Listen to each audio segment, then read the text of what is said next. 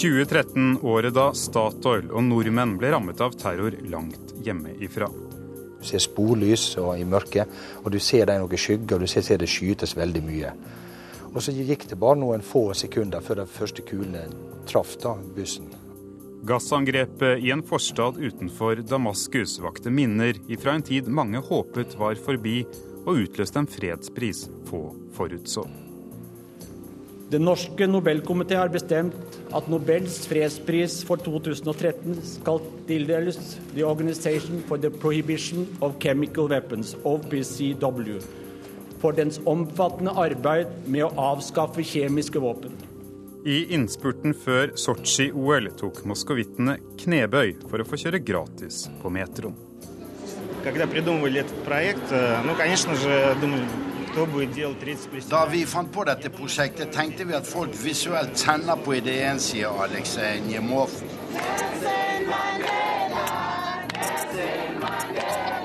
Og verden og Sør-Afrika tok farvel med vår tids kanskje største statsmann. Årets siste korrespondentbrev er postlagt i London, og er det eneste i denne sendingen som utelukkende ser frem i 2014, eller kanskje ikke helt. Same procedure as last year, same procedure as every year. Velkommen til denne årskavalkaden av Verden på lørdag. I studio Philip Lote. På denne siste lørdagen i 2013 skal vi se tilbake og oppsummere utenriksåret som er gått. NRKs korrespondenter og utenriksmedarbeidere er blitt invitert til å sende inn de av sine egne radioreportasjer de husker best ifra året som er gått. Noen av disse skal du få høre den neste timen. Aller først skal vi tilbake til ørkenen i Algerie og den 16. januar.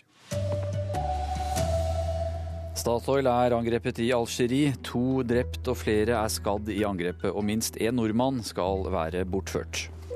Franske militære har gått til angrep Denne ettermiddagen kommer de første meldingene om at Statoil-ansatte er blant de som befinner seg på gassanlegget, hvor Statoil sammen med British Petroleum er utenlandske operatører. Bakgrunnen for angrepet skal være at franske styrker seks dager tidligere benyttet Al-Shairs luftrom til å angripe militante islamister i Mali. Hovedmistanken retter seg mot Mukhtar Bel-Mukhtar, en enøyd utbryter fra Al Qaida i Maghreb. Mukhtar Bel-Mukhtar har vært en av de mest jaga terroristene i verden gjennom mange år. For vel en måned siden brøt han med Al Qaida, men varsla samtidig mer kamp mot vestlige land. De væpna islamistiske opprørere har sett sine merker ikke bare på Algerie, men alle landene i det nordvestlige Afrika, området som gjennom århundrer er kalla Magreb. Mauritania, Marokko, Tunisia og Libya, men ingen steder så blodig som i Algerie. Det var i uroa rundt den islamistiske rørsla i Algerie et par tiår seinere. Mukhtar Bel-Mukhtar fant plassen sin og etter hvert tok lederrolla etter å ha vært i Afghanistan for å få kamptrening. Gisseldramaet i Amenas er så langt det siste av en lang rekke terrorhandlinger til den ufangelige. Mukhtar Bel-Mukhtar skal angivelig ha blitt drept i et fransk angrep i mars, men hans død er ikke slått fast med sikkerhet. Tolv Statoil-ansatte slipper ifra in Amenas med livet i behold. Fem blir drept. 14.3 gir enkelte av de overlevende for første gang et intervju om det som skjedde. En av dem er prosjektsjef Kolbjørn Kirkebø. Du ser sporlys i mørket, og du ser det er noen skygger, og du ser, det skytes veldig mye. Og så gikk det bare noen få sekunder før de første kulene traff da, bussen. Og kan du si, Idet han traff, da, så ble han som er sikkerhetssjef for oss, Paul Morgan, han, han ble skutt i bilen foran. Ene vakta borte på vakt posten ble skutt. Etter ti sekunder eller noe sånt, så, så, så legger jeg meg oppå han da, som ligger på gulvet, eller kaster meg ned. da. Og da Idet jeg svinger meg rundt, så, så, kjenner jeg at noe treffer meg i høyre lår. Og Det blir liksom nummen og litt varm, og, og at du føler at du er truffet av noe. da. Skytinga mot bussen er så intens at han er sikker på at dette er slutten. Helt sikker. Du bare venter med når til det ville skje. Hva tenker en da? Jeg, jeg, jeg, hadde egentlig litt rolig tanker. For du tenkte på de, de, som er hjemme, da, hvis de ikke kommer hjem. Og jeg følte liksom at det, det, det, var, det var, ganske orden da, på, på, tingene. Jeg har skrevet en testamente da, og forsikringer og sånn, så jeg tenkte at det, for min kone da, så ville det gå greit, i hvert fall den biten, da, hvis ikke jeg kommer hjem. Etter 40 minutter kommer militæret til bussen og redder dem ut. De kryper 100 meter og er i sikkerhet. Når vi var tatt da i sikkerhet, da, så sitter du inne med en slags med en slags glede over det. da. Men klart den, den store gleden har liksom aldri sluppet til da hos meg etterpå. fordi at det, du, man ser etter hvert hvor, hvor gale dette kommer til å ende. da. Statoil bestiller en granskning av terrorangrepet, som fastslår at selskapet i for stor grad baserte seg på at militæret i Algerie skulle sørge for sikkerheten, og at selskapet ikke hadde vurdert muligheten for et angrep fra en større væpnet gruppe. I januar, februar og mars skjedde også dette. Den 17. januar innrømmer Lance Armstrong systematisk bruk av doping over flere år i et intervju med Opera Winfrey. Den 9. februar blir det oppdaget hestekjøtt i produkter merket som storfekjøtt i flere land. Kjøttskandalen svekker forbrukernes tro på matvarebransjen på tvers av Europa. Den 11. februar kunngjør pave Benedikt at han vil gå av, og den 13. mars blir kardinal Jorge Mario Bergoglio, tidligere erkebiskop av Buenos Aires, valgt til den 266. pave. Han tar navnet Frans etter Frans av Assisi.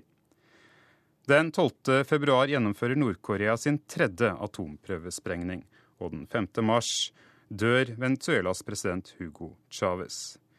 Den 14. mars blir Xi Jinping valgt til president i Kina på folkekongressen i Beijing, et snaut halvår etter at han overtok som leder for kommunistpartiet. Xi har sterk tro på partiets sentrale rolle i utviklingen av Kina, starter en større antikorrupsjonskampanje og varsler omfattende reformer i arbeidet med å styrke og åpne opp Kinas økonomi.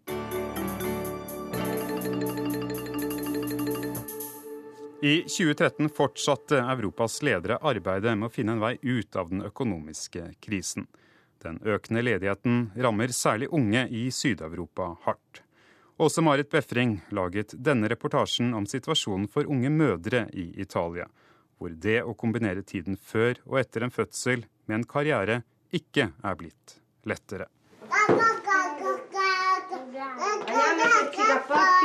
Det er travel morgen hjemme hos Regina og hennes familie. To små gutter som krever sitt, og som har snudd livet på hodet for henne. Jeg sono rimasta incinta due anni fa, due anni e mezzo fa, e in quel periodo lavoravo in una cooperativa sociale che faceva assistenza ai bambini con disabilità nelle scuole. Jeg ble gravid for to år siden, da jeg jobbet som sosiallærer. Hver gang kontrakten hadde gått ut, hadde den blitt fornyet, men denne gangen sa arbeidsgiveren min Nei, du er altfor gravid. Man kan se magen din, sier Regina Pintos.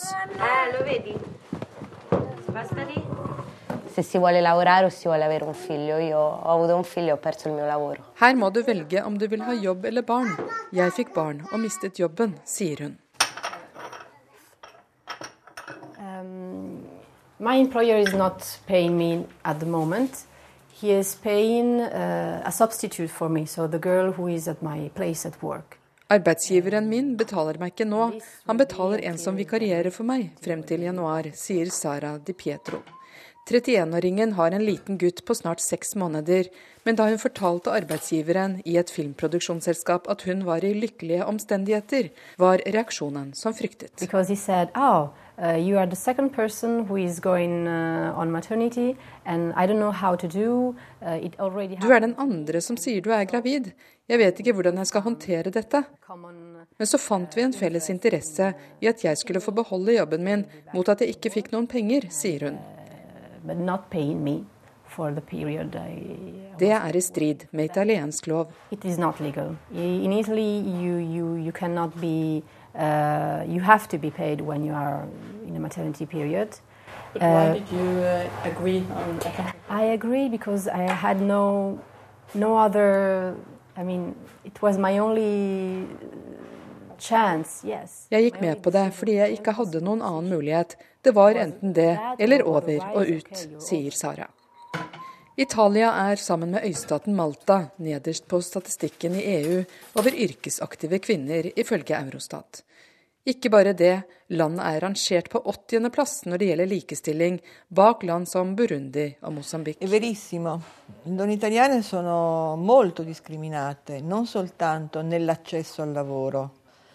Kvinner er veldig diskriminert, ikke bare når de skal inn på arbeidsmarkedet, men også i lønns- og karrieremuligheter, sier senator Titti Di Salvo. Selv om lovene er der, er det en utbredt praksis for å omgå dem, mener hun. Blant annet kan kvinner bli bedt om å skrive under et spesielt papir når de blir ansatt. E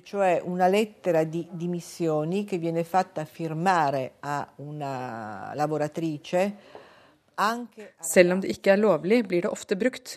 Hun må skrive under et papir som sier at hun slutter i jobben. Brevet har ingen dato, og hvis kvinnen blir gravid, setter arbeidsgiveren på datoen, slik at det ser ut som om hun frivillig har sagt opp, forteller Titti til Salvo.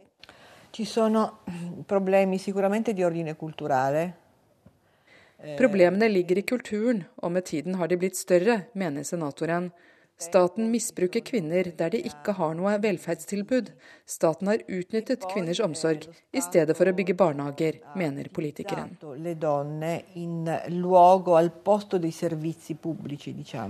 Sara skal tilbake på jobb i januar, men hun har ingen kontrakt som garanterer det. I, ha I don't have a contract actually.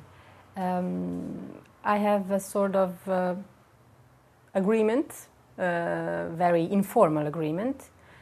uh, for which uh, he keeps my, my job at the company. Barnehageplass har hun ikke fått. Hun er registrert som arbeidsledig fordi hun ikke har noen kontrakt med arbeidsgiveren sin. Og dermed har hun heller ikke rett til offentlig barnepass. The, the work, uh, so with, with I april, mai og juni skjer også dette. Den 8. april dør Margaret Thatcher. Den 15. april rammes Boston Marathon av en terroraksjon. Tre blir drept, blant dem en gutt på åtte år. Den 24. april raser en tekstilfabrikk i Bangladesh sammen etter en brann. Det offisielle dødstallet er 380. Fabrikken hadde ikke rømningsveier, og brannen setter fokus på arbeidsvilkårene for fattige i Bangladesh. Fotografiet Tasmina Akhtar tar av to unge mennesker fanget i brannruinene i en siste omfavnelse er en sterk kandidat til en pris som et av årets fotografier. Den 6. mai blir tre kvinner funnet i Cleveland etter å ha vært kidnappet i ti år. 52 år gamle Ariel Castro blir dømt til livsvarig fengsel for kidnapping, voldtekt og drap. 3.9 blir Ariel Castro funnet død i sin egen celle. Og den 1. juni starter omfattende demonstrasjoner og uroligheter i Tyrkia. Misnøyen er rettet mot statsminister Erdogan og er særlig sterk hos unge, urbane mennesker. Den 6. juni avslører den britiske avisen The Guardian omfanget av USAs overvåkning. Kontraktøren Edward Snowden står frem som kilden den 9. juni, og blir anklaget for spionasje den 23. juni. Angela Merkel styrer mot en ny valgseier i Tyskland, men i valgkampens innspurt går forbundskansleren selv ut og opplyser om at den amerikanske etterretningen kan ha avlyttet telefonen hennes. Tove Bjørgaas fanget opp amerikanernes reaksjoner ifra den lyttende siden av overvåkningsskandalen. Sola skinner uforskammet kraftig til november å være ved American University. Utenfor bygningen som huser studier i diplomati og internasjonal politikk, nyter studentene at det er fredag og helg. At etterretningstjenesten i landet deres har fulgt med på telefonsamtalene til Angela Merkel og andre statsledere, er de ikke bekymret for. Kind of easy, Adelaide Tuinghost er heller ikke overrasket over avsløringene som har rystet Europa den siste uka. Sure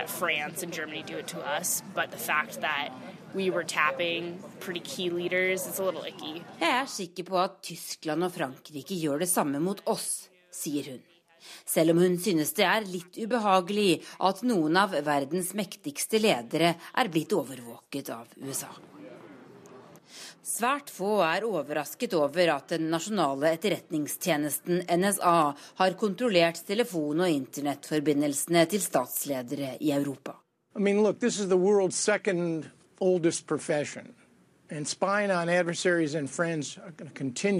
Spionasje er jo verdens nest eldste profesjon. Både fiender og allierte overvåker hverandre, selvsagt også i dag, sier Aaron David Miller, som har vært rådgiver for ikke mindre enn seks amerikanske utenriksministre, og i dag leder et anerkjent forskningsinstitutt her i Washington. Det nye er at etterretningsbransjen er blitt mer sårbar pga. internett og innleide utro tjenere som Edward Snowden, mener han. The fact is, in an age where you've got internet and you've got contractors capable of creating security breaches, you have a situation where more and more of what the intelligence community in this country does may well be exposed. Servers, Avsløringene har imidlertid ført til flaue scener her den siste uka. Fra Det hvite hus blir det hevdet at Obama ikke visste om overvåkningen av Merkel. Og NSA-direktør Keith Alexander måtte på tirsdag forsvare seg og sine i Kongressen.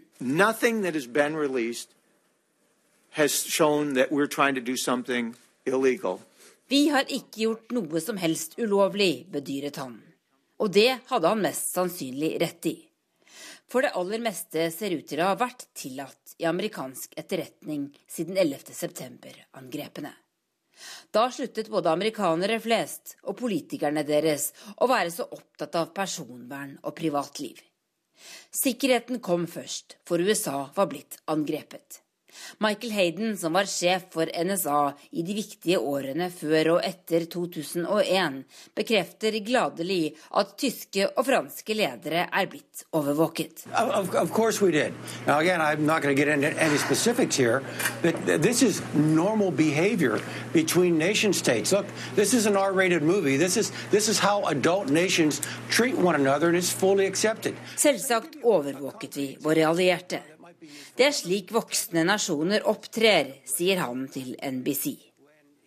Deretter minner han amerikanere på historien om Barack Obama, som var helt avhengig av smarttelefonen sin og gjerne ville beholde den da han flyttet inn i Det hvite hus. The most powerful man in the most powerful nation on earth was just told that his communications were susceptible by, to intercept by dozens of foreign embassies inside his own national capital. Først sa etterretningstjenesten nei. Smarttelefonen var altfor lett å hacke seg inn på. Men i dag er USAs president utstyrt med en kryptert smarttelefon som visstnok skal være spionsikker. Amerikanske eksperter har denne uka oppfordret Angela Merkel til å skaffe seg en slik. The Germans, frankly, simply have to be much better at uh, ensuring. Look, you want to talk on a cell phone, which is unencrypted? You're a world leader, you run the risk that your conversations are going to be monitored. Tysk etterretning må bli bedre til å passe på Merkel og telefonbruken hennes, sier Aaron David Miller. It's, it's a little embarrassing. I'm sure it's going to anger some of our allies, but I don't think it's going to be anything more than embarrassing. It's not going to become an international incident, or no one's going to go to war over it. Det er litt flaut det som har skjedd, og tyskerne blir sikkert sinte. Men det blir ikke akkurat krig av dette, sier Dan. Jeg tror dette setter en ny standard for framtida, og det skal vi passe oss for, advarer Adelaide. De to unge studentene har imidlertid lite til overs for landsmannen sin, som fra sitt eksil i Moskva fortsetter å lekke etterretningsopplysninger.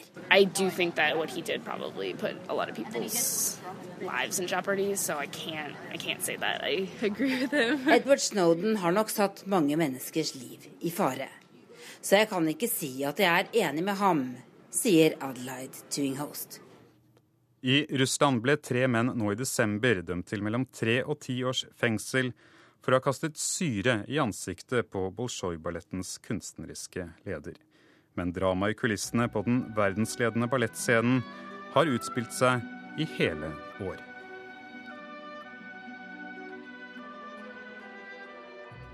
Det kunne vært en fortelling, en ballettforestilling verdig. Dramaet som det siste året har utspilt seg i kulissene på det velrenommerte Balsjoj-teatret i Moskva, har vist for en hel verden at ballett på toppnivå langt fra er noen dans på roser. Я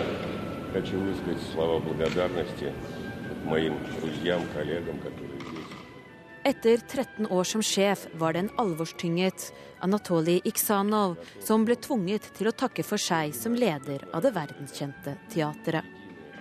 Russlands kulturminister Vladimir Medinsky understreket at de med avsettelsen ønsket en fornyelse av kulturinstitusjonen.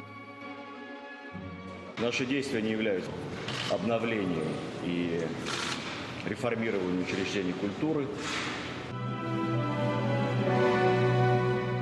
Bolsjoj-teatret. En av verdens mest prestisjetunge arbeidsplasser for ballettdansere siden 1825. Men en slik prestasjonsbetinget arbeidsplass skaper naturlig nok også konflikter i verdensklasse. En danser er bitter over at kjæresten hans, som er ballerina, ikke får de rollene han syns hun fortjener. Han vil ta hevn og leier inn en forbryter, men forbryteren går langt hardere til verks enn det danseren ønsker. Danseren heter Pavel Dmitritsjenka og var solist ved Bolsjoj-balletten. Han hadde utmerket seg spesielt som solist i Ivan den grusomme, og han hadde lysende framtidsutsikter. Men da han i januar i år tok tittelrollen sin inn på livets virkelige scene, gikk det galt. Fryktelig galt. Rundt 9000 kroner betalte Dmitritsjenko for å få en torpedo til å angripe Balsjoj-ballettens kunstneriske leder. Det han sier han ikke hadde regnet med, var at torpedoen skulle bruke syre i angrepet. Я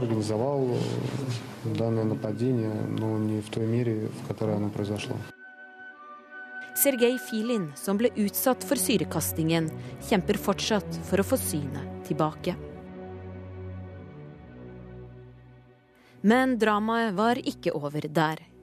I neste akt gikk den tidligere danseren Anastasia Valatsjkova ut og hevdet at direktøren for teatret hadde gjort Balsjoj-balletten om til et gigantisk bordell, hvor kvinnelige dansere ble tvunget til å ligge med rike stamkunder. I have many girlfriends who described that they were pushed by uh, administrators of the Bolshoi to join the parties with oligarchs, with everything, with sex, with beds, with everything. Det er nå den tidligere lederen for det legendariske musikkteatret Stanislavskij Djemsjenka som er satt inn for å rydde opp. Vladimir Orin sier han måtte tenke seg nøye om før han sa ja. Det er veldig viktig at det er en det er veldig viktig at overgangen fra én direktør til en annen skjer på en sivilisert måte, sa han da han overtok stafettpinnen. Vel vitende om at man i ballettens verden alltid må være på tå hev.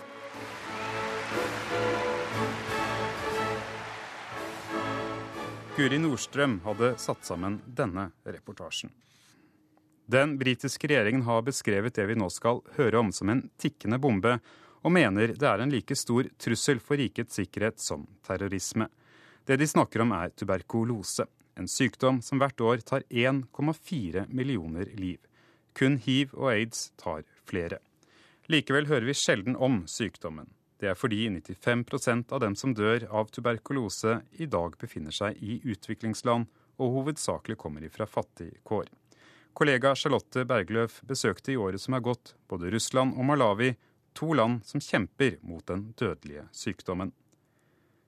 Etter at denne reportasjen gikk på lufta i sommer, tok daværende utviklingsminister Heikki Holmås kontakt for å gi beskjed om at regjeringen vil øke støtten til forskning på vaksiner mot tuberkulose med fem millioner kroner.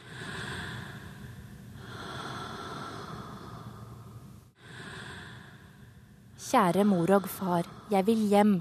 Hilsen Bjørn. Brevet er sendt fra Grefsen sanatorium i 1955. Fra en gutt rammet av en fattigmannssykdom preget av skyld og skam. Et vitnesbyrd fra tiden da tuberkulose herjet Norge, skilte barn fra sine foreldre og på det verste kostet 7000 mennesker livet i året. En tragedie vi forbinder med fortiden, men som på verdensbasis er blitt en kamp mot klokken. 1,4 millioner mennesker dør nå hvert år av sykdommen. Kun hiv og aids tar flere liv.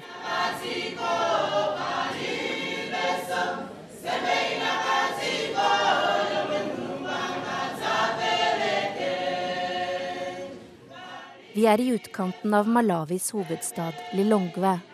Det er søndag, og kirken er fylt til randen. På første rad sitter 53 år gamle Mara Banda, men sånn har det ikke alltid vært. Really. Stigmatiseringen var forferdelig, for ingen ville snakke med deg, forteller Mara. I 2000 fikk firebarnsmoren diagnosen tuberkulose etter å ha testet positiv for hiv. Som i Norge på begynnelsen av 1900-tallet preget myter oppfatningen av tuberkulose her i Malawi for bare ti år siden. Og frykten for smitte førte til at syke ble frosset ut. And there was a lot of name calling as well. Like what? Clothes hanger, walking corpse. Og presten sa at du hoster fordi du synder. I thought a church was a place of love. Jeg trodde kirken var et sted for kjærlighet, så jeg fortsatte å gå, for kirkens folk forsto ikke omfanget av problemet. I mangelen på medisinsk tilbud i Malawi bestemte Mara seg for å delta i et forskningsprogram for ny medisin på egen risiko. Hun ville også bygge en organisasjon av frivillige for å spre informasjon og hjelpe de mange tuberkulosesyke med å fullføre behandlingen. For det er dette som er essensielt. Å diagnostisere, medisinere og få pasientene til å fullføre behandlingen. I sin enkleste form kan bakterien kureres med en seks til åtte måneder lang antibiotikakur. Men avbrytes medisineringen, kan bakterien vokse seg sterkere og ta ny form, og det er nettopp det som har skjedd. Smittes man av bakteriene som er motstandsdyktige mot de vanligste medikamentene, såkalt MDR-TB, tar hestekuren to år. MDR-TB is not like normal tuberculosis. I was resistant to seven drugs. I can remember moments during treatment and thinking, I can't do this anymore. I don't know that I'll make it through this. Natalie Skipper fra Tennessee overlevde sykdommen, men får man de ekstremt resistente bakteriene i kroppen, finnes det ingen kur. I land som USA, Storbritannia, Russland, India og Sør-Afrika er den resistente varianten nå kun et host unna.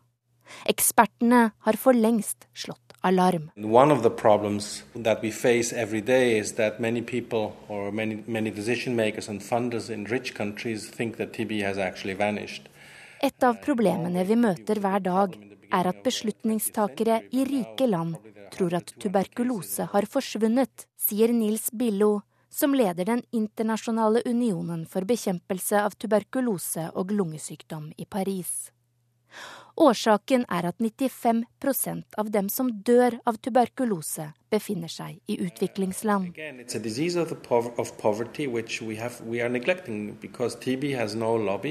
Det er de fattiges sykdom, og vi overser den fordi tuberkulose ikke har noen lobby, i motsetning til hiv-lobbyen, forklarer Billo. So Hans union ble opprettet i 1920 og jobber i over 70 land for å bekjempe tuberkulose. Men selv om de har gjort store fremskritt, frykter de nå at en MDR-TB-epidemi kan ta knekken på hele samfunn, og ikke minst spre seg til resten av verden. De er ikke alene om å frykte dette. It's a war. It's a war, so you have to fight it out. You have to conquer tuberculosis. Det er en krig. Vi må bekjempe tuberkulose, lyder det i kampanjevideoen til organisasjonen AERAS. Her til lands har BCG-vaksinen vært viktig i forebygging av tuberkulose, men det få er klar over, er at vaksinen ikke lenger er noen garanti mot sykdommen.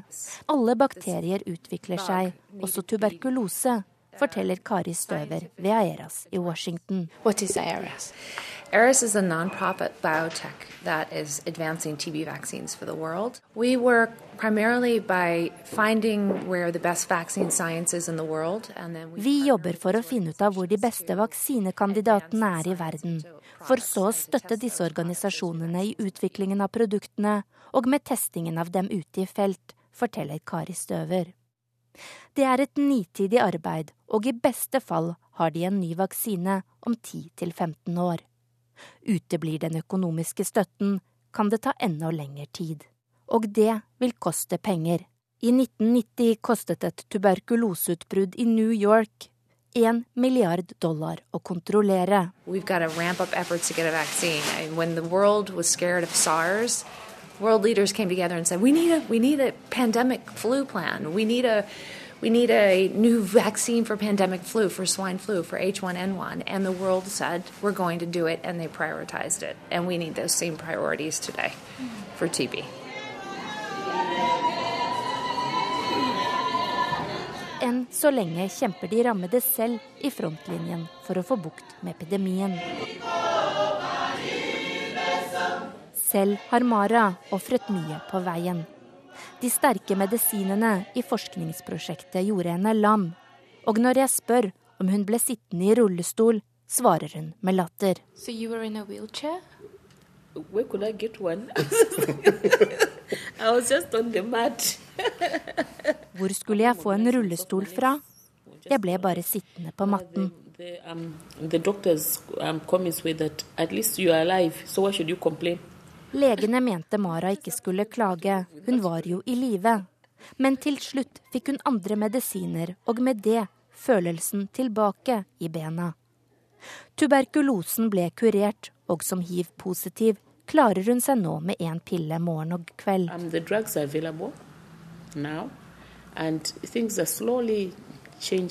Samfunnet jobber hardt for å holde multiresistent tuberkulose på avstand, men noen få tilfeller har begynt å melde seg. What we've got to do is not say, oh, we're going to make this a little better. We've got to essentially transform the entire field. Du lytter til Verden på lørdags oppsummering av utenriksåret som er gått. Den 3. juli blir Mohammed Mursi avsatt som president i Egypt, noe som fører til blodige sammenstøt mellom tilhengere og motstandere. I praksis er dette militærets kontrarevolusjon. 22. juli blir prins George født i Storbritannia. Den 21. september gjennomfører Al Shabaab en terroraksjon mot kjøpesenteret Westgate i Nairobi. Mer enn 60 personer blir drept. 2013 var også året da innbyggerne i Moskva kunne få kjøre gratis på metroen. Hvis de, som Hans-Wilhelm Steinfeld rapporterer, var villige til å legge inn en liten innsats.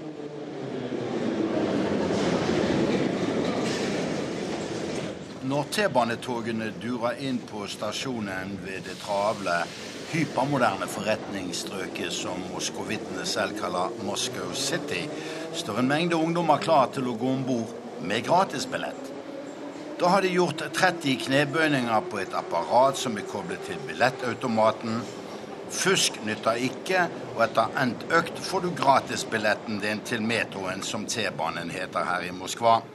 Oppfinnelsen tilhører Aleksej Njemov, som fire ganger er OL-mester i turn, og han sier Когда придумывали этот проект, ну, конечно же, думаю, da vi fant på dette prosjektet, tenkte vi at folk visuelt kjenner på ideen, sier Aleksej Njemov. 40% av den russiske befolkning lider av en kronisk sykdom som trenger medisinsk oppfølging. Det er livsstilssykdommer som primært folk lider av, og OL-mester i synkronsvømming Maria Kisiljova støtter dette prosjektet og går foran med et godt eksempel.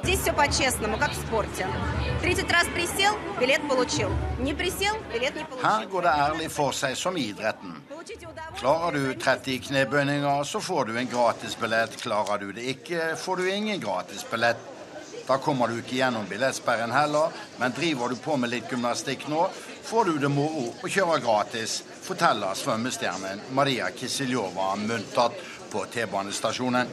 Metroen her i Moskva trafikkeres av hele sju millioner mennesker per dag og er sterkt politiovervåket. T-banestasjonene og togene har vært hyppig hjemsøkt av selvmordsbombere som har brakt terror til kollektivtrafikken her i Moskva i snart 20 år. Så ser det ut som du kommer fra Kaukasus eller en av statene i Sentral-Asia, som jo en gang var en del av Sovjetunionen, der du nærmest garantert at politiet sjekker deg og papirene dine. Men denne uken er det muntrere på T-baneperrongene.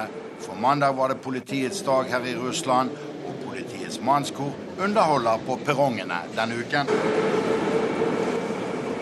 Наша служба и опасна и трудна, И на первый взгляд как будто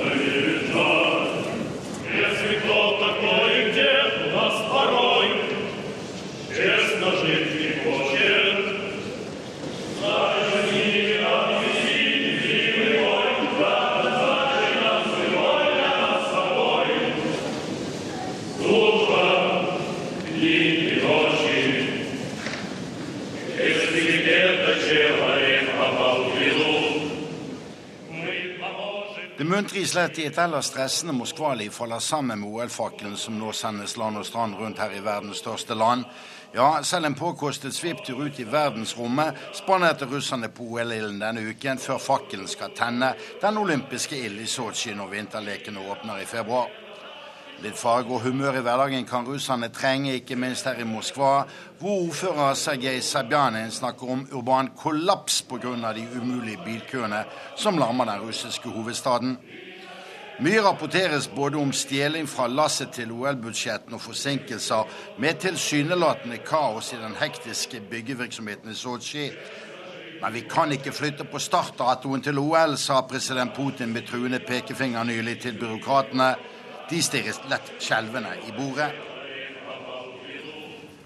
Den norske Nobelkomité har bestemt at Nobels fredspris for 2013 skal tildeles The Organization for the Prohibition of Chemical Weapons, OPCW, for dens omfattende arbeid med å avskaffe kjemiske våpen.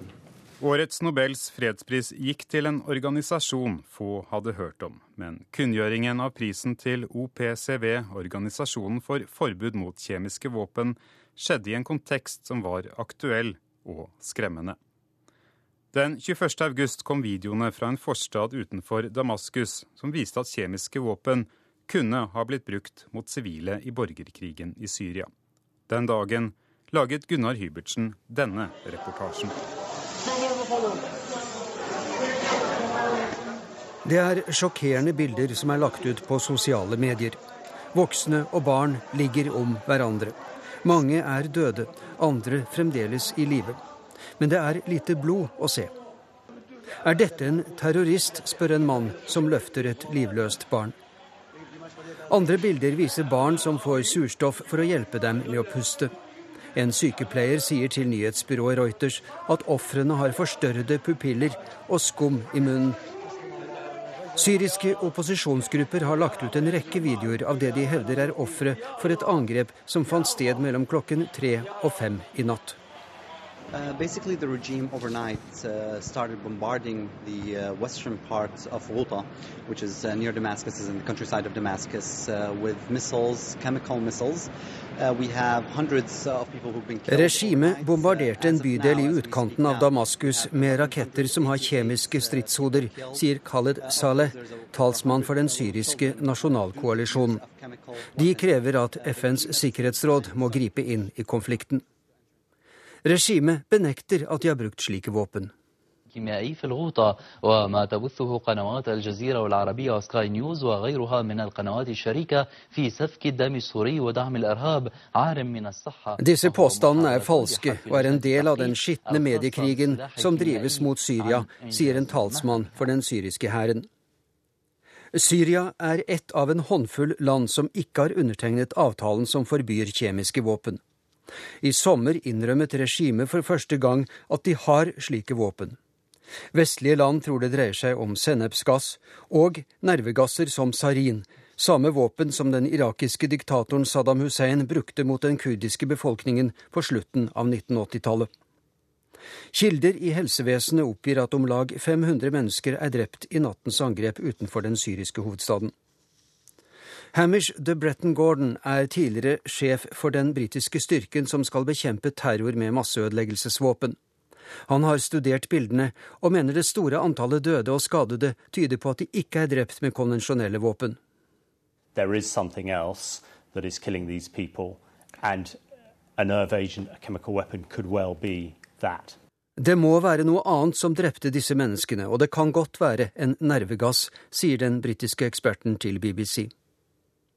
Nyheten kommer samtidig som FN-inspektører er i Syria for nettopp å undersøke om det er brukt kjemiske våpen i krigen.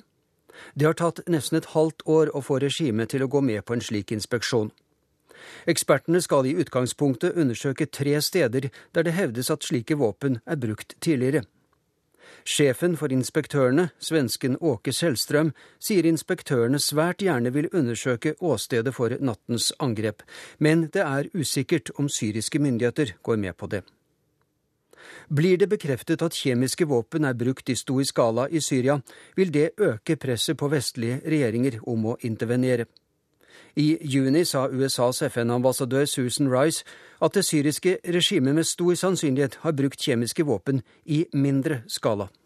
President Obama has made very clear that the use or transfer uh, of uh, chemical weapons is a red line. That red line has been crossed, and as a consequence, as you heard yesterday, the White House has announced uh, a, a change in our approach. President Obama har sagt at bruk av kjemiske våpen er en rød linje.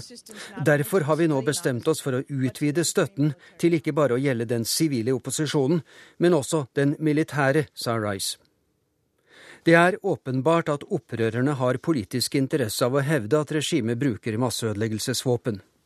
Men hvorfor i all verden skulle president Bashar al-Assad gjøre det mens FNs våpeninspektører er i landet? Som en arabisk kommentator sier, Assad er kanskje brutal, men dum er han ikke. I oktober, november og desember skjedde også dette. 1. oktober stenger USA det føderale statsapparatet pga. budsjettkrise. Uenigheten mellom demokratene og republikanerne holder statsadministrasjonen lukket helt frem til 16. oktober. Den 3. oktober, i et tragisk forlis, drukner 360 båtflyktninger utenfor Lampedusa. Og den 21. november nekter Ukrainas president Viktor Janukovitsj å undertegne en avtale med EU. Dette fører til store protester i hovedstaden Kiev. Søndag den 17. november er det gått ni dager siden tyfonen Haiyan rammet de sentrale øyene på Filippinene. Over 6000 ble drept, og mer enn fire millioner mennesker mistet sine hjem i noen av de kraftigste vindkastene som er målt. I katedralen i den hardest rammede byen Takloban møtte jeg selv overlevende som kom til messe for å få svar og for å søke trøst. Regnet treffer kirkegulvet i Den hellige Jesu kirke i Takloban. Tyfonen ødela taket på katedralen, og de som er møtt for søndagsmesse, har satt seg i sideskipene. Det er mange som spør kirken om hvorfor ulykken rammet Takloban. Preken handler om at vi som mennesker vil oppleve både store øyeblikk og tragedie. Og denne gang var turen kommet til Takloban. At dette ikke betyr at byens innbyggere har syndet. Kirken driver et evakueringssenter for 3000 mennesker, og da vi spør fader Oliver etter gudstjenesten, kommer en dårlig skjult kritikk av myndighetenes innsats for å komme de overlevende til unnsetning. Kommunikasjonen mangler, utstyr mangler, og det er mangel på arbeidskraft, sier fader Oliver Maso. For example, the, the clearing of the streets has been a week and uh, two days now, uh, filled with uh, with uh, with waste and garbage. Do you think the government has been slow in its reaction? I don't know. Maybe the people could speak for, the, for themselves. Lachita og datteren Katarina Open leser en liste hvor kirkegårder kan skrive opp døde slik at de blir tatt i bønn under gudstjenesten. Navnene blir lest opp høyt. De har begge gått ifra byen Santa Fe utenfor Takloban for å se om de kan få utdelt noen nødrasjoner.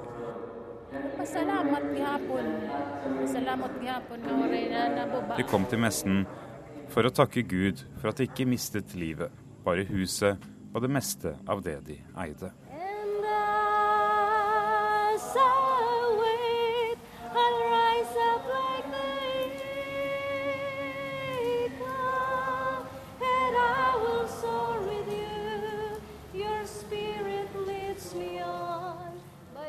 5.12. sent på kvelden kommer beskjeden om at Nelson Mandela er gått bort.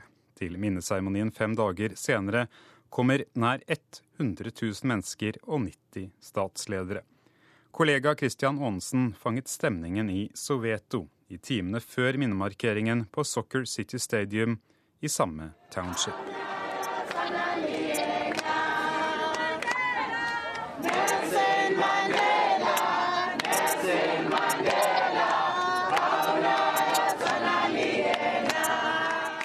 Utenfor husene til Nelson Mandela i Johannesburg har hundrevis av mennesker samlet seg hver eneste dag og natt for å hylle frihetskjemperen. Ja, og det, det her tror jeg er eh, en ny det, new. Dette er Maria Vestlund.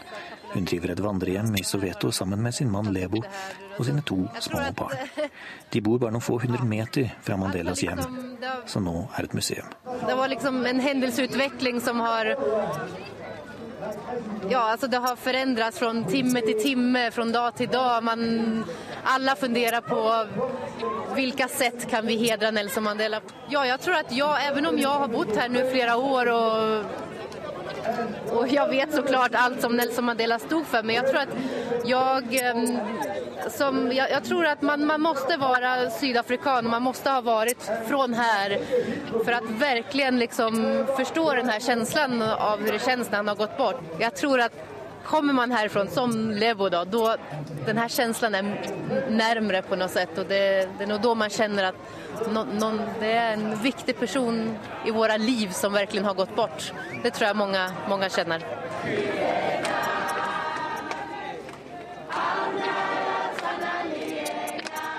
Ukens korrespondentbrev er postlagt i London. Korrespondent Espen Aas avslutter 2013 med å gi deg neste års nyhetssaker før de har skjedd. For å låne en linje fra et nå nedlagt P2-program, vi gir deg nyhetene før de skjer. Her er neste års nyhetssaker. For noen uker siden var jeg sammen med min faste fotograf på reportasjejobb hos en familie i Herfordshire, rett nord for London. En typisk engelsk, veldig hyggelig familie, med en familiehistorie som er av høyeste interesse for nordmenn. Det er nemlig familien til Freddy Frinton, hovmesteren i komedien 'Grevinnen og hovmesteren', som store deler av det norske folk ser på NRK fjernsyn lille julaften. Som kjent er en av de viktigste linjene derfra 'Same procedure as last year', 'Same procedure as every year', eller oversatt til norsk 'på samme måte som i fjor', på samme måte som hvert år. Og det er noe veldig britisk over det med gjentagelser, at ingenting forandrer seg. I dette korrespondentbrevet er det en slags guide til noen av nyhetssakene som vil dominere Storbritannia i 2014, selv om det var på samme måte som i fjor, ja, på samme måte som hvert år. Den første saken som vi allerede har levert en del stoff på, handler om EU, eller rettere sagt Storbritannias svært problematiske forhold til EU. Trodde du at Norge har et komplisert forhold til EU, så ta på deg britiske briller en stund.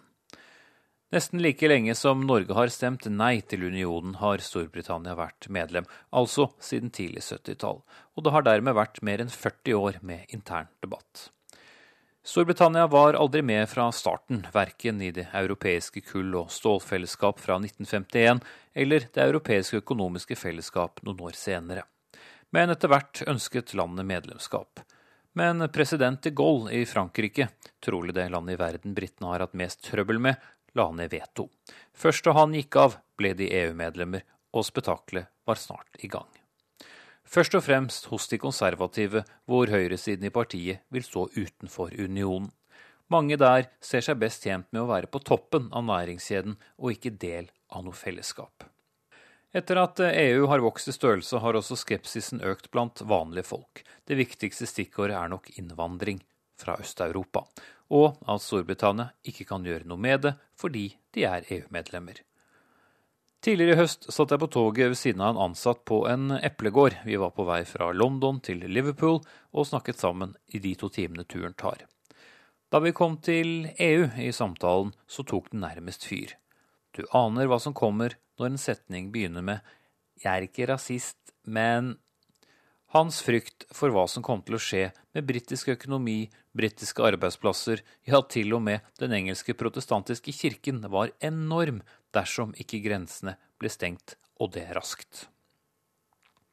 Fra førstkommende onsdag, altså 1. januar, er i teorien nå grensene også åpne for rumenere og bulgarere, skjønt regjeringen har hurtigbehandlet en rekke lover for at det skal bli så vanskelig som mulig å komme inn i landet dersom du ikke har med deg en god del penger eller har en jobb som venter.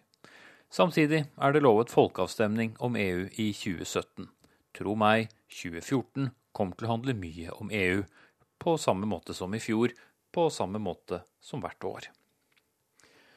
Det er flere grenser det kommer til å handle om neste år, også grensen mot Skottland, eller den mulige grensen mot Skottland, rettere sagt. I september skal nemlig alle skotter over 16 år bosatt i Skottland få stemme over om de fortsatt vil være en del av Storbritannia eller ikke. De har vært i union med England siden 1707. Gudene skal vite at det har vært mye uenighet, og blant en del skotter banker et enormt ønske om å få være et eget land. Det er bare litt over åtte måneder til vi får vite hva skottene vil, men jeg kan fortelle deg at det er to ting. Det ene er å være en del av Storbritannia som nå, det andre er å få være et eget land. Uansett resultat vil nemlig omtrent halvparten av folket være uenig i utfallet. I øyeblikket er det et dominerende nei-flertall mot løsrivelse, men ja-kampanjen kjører på med alt hva den har. Jeg har truffet folk fra begge sider. Uavhengighetsforkjemperne ser på Norge med våte øyne og tenker på vår løsrivelse fra unionen med Sverige i 1905, og ikke minst vårt enorme oljefond. Som jeg har sagt til mange av dem, vi hadde en lettere rekkefølge. Først stemte vi oss fri fra unionen, så fant vi olje. Skottene derimot har først funnet olje, i union med Storbritannia, så vil de løsrive seg og ha med pengene. Det er langt vanskeligere. De politiske partiene sør for grensen mener alle at det bør fortsette som før, ja, som hvert år om du vil, mens nasjonalistpartiet i Skottland selvsagt vil ut av Storbritannia, og noen der har nok sett filmen Braveheart med Mel Gibson en gang eller to for mye. De ser skotske frihetskjemper i tartan som kjemper seg fri fra den engelske tyrannen. Dette kommer det til å handle mye om det neste året. Og uansett utfall kommer forholdet mellom regjeringen i London og selvstyret i Edinburgh til å bli trøblete i mange år. Som det pleier, på samme måte som i fjor, på samme måte som hvert år. En annen trøblete region som alltid dukker opp med gjennom mellomrom, er selvsagt den som føler tilhørighet til både Storbritannia og Irland, nemlig Nord-Irland. Det har utvilsomt vært stille fra den kanten en stund, men det ulmer, det ulmer. Da jeg bodde i London på 90-tallet, var det vanlig med forsinkede tog som følge av bombetrusler fra IRA, enten det nå var de som kom med dem, eller noen som latet som. Søppelkasser på gatene eller på tog- og tubestasjoner fantes knapt, fordi det kunne puttes bomber i dem. Men så kom langfredag-avtalen i 1998, og vips, så var det fred. Men det var nok av ting å krangle om i en region hvor en del ville være britisk og en annen del ville være irsk, hvor den ene delen av folket er protestanter og den andre katolikker. De siste ukene har det foregått intense politiske forhandlinger mellom de nordirske partiene om når det skal være lov til å flagge med britisk flagg, og når det skal være lov å flagge med det irske flagget. Når skal protestanter få marsjere gjennom katolske gater? Ja, temaer som alltid irriterer noen, uansett utfall. Før jul har det vært bomber, bombetrusler og vold i Belfast som året før, ja, som alle år, og mer skal det nok bli. De har selvsagt ikke klart å bli enige ennå, og følelsene er sterke. I et eh, juleselskap på den irske ambassaden kom jeg i snakk med en som var ansatt i energisektoren. Han hadde bodd i Nottingham i England i mesteparten av sitt voksne liv, men presenterte seg som irsk. Han spurte om jeg hadde vært i Irland ennå, og det hadde jeg, i Dublin, og snakket om det noe han var helt uinteressert i. Han var fra Belfast, og det var det Irland han lurte på om jeg hadde vært i, ikke republikken. Jeg tenkte på det som Storbritannia, han tenkte på det som Irland. Det vil handle om Nord-Irland neste år. Det vil handle om flagg, det vil handle om parader og marsjer, på samme måte som i fjor, på samme måte som hvert år. Så er det økonomien. Det er den hete politiske poteten. Storbritannia har sittet klistret fast i finanskrisen siden slo dem ut i 2008, men det har vært foretatt en hestekur som har vært utrolig upopulær hos folk, men som samtidig har gitt positiv innvirkning på økonomien. Problemet er at mange som var fattige, er blitt enda fattigere. Selv om du kan vedta frys i lønninger, kutt i trygder og innføring av nye avgifter, kan du ikke vedta at folk ikke samtidig får mindre å leve for når utgiftene øker. Jeg møtte noen på en matutdelingssentral nå rett før jul. De kunne sikkert levd livet sitt annerledes før de kom til det punktet, men nå er de der. De er der for å be om mat, for det er noe de ikke har.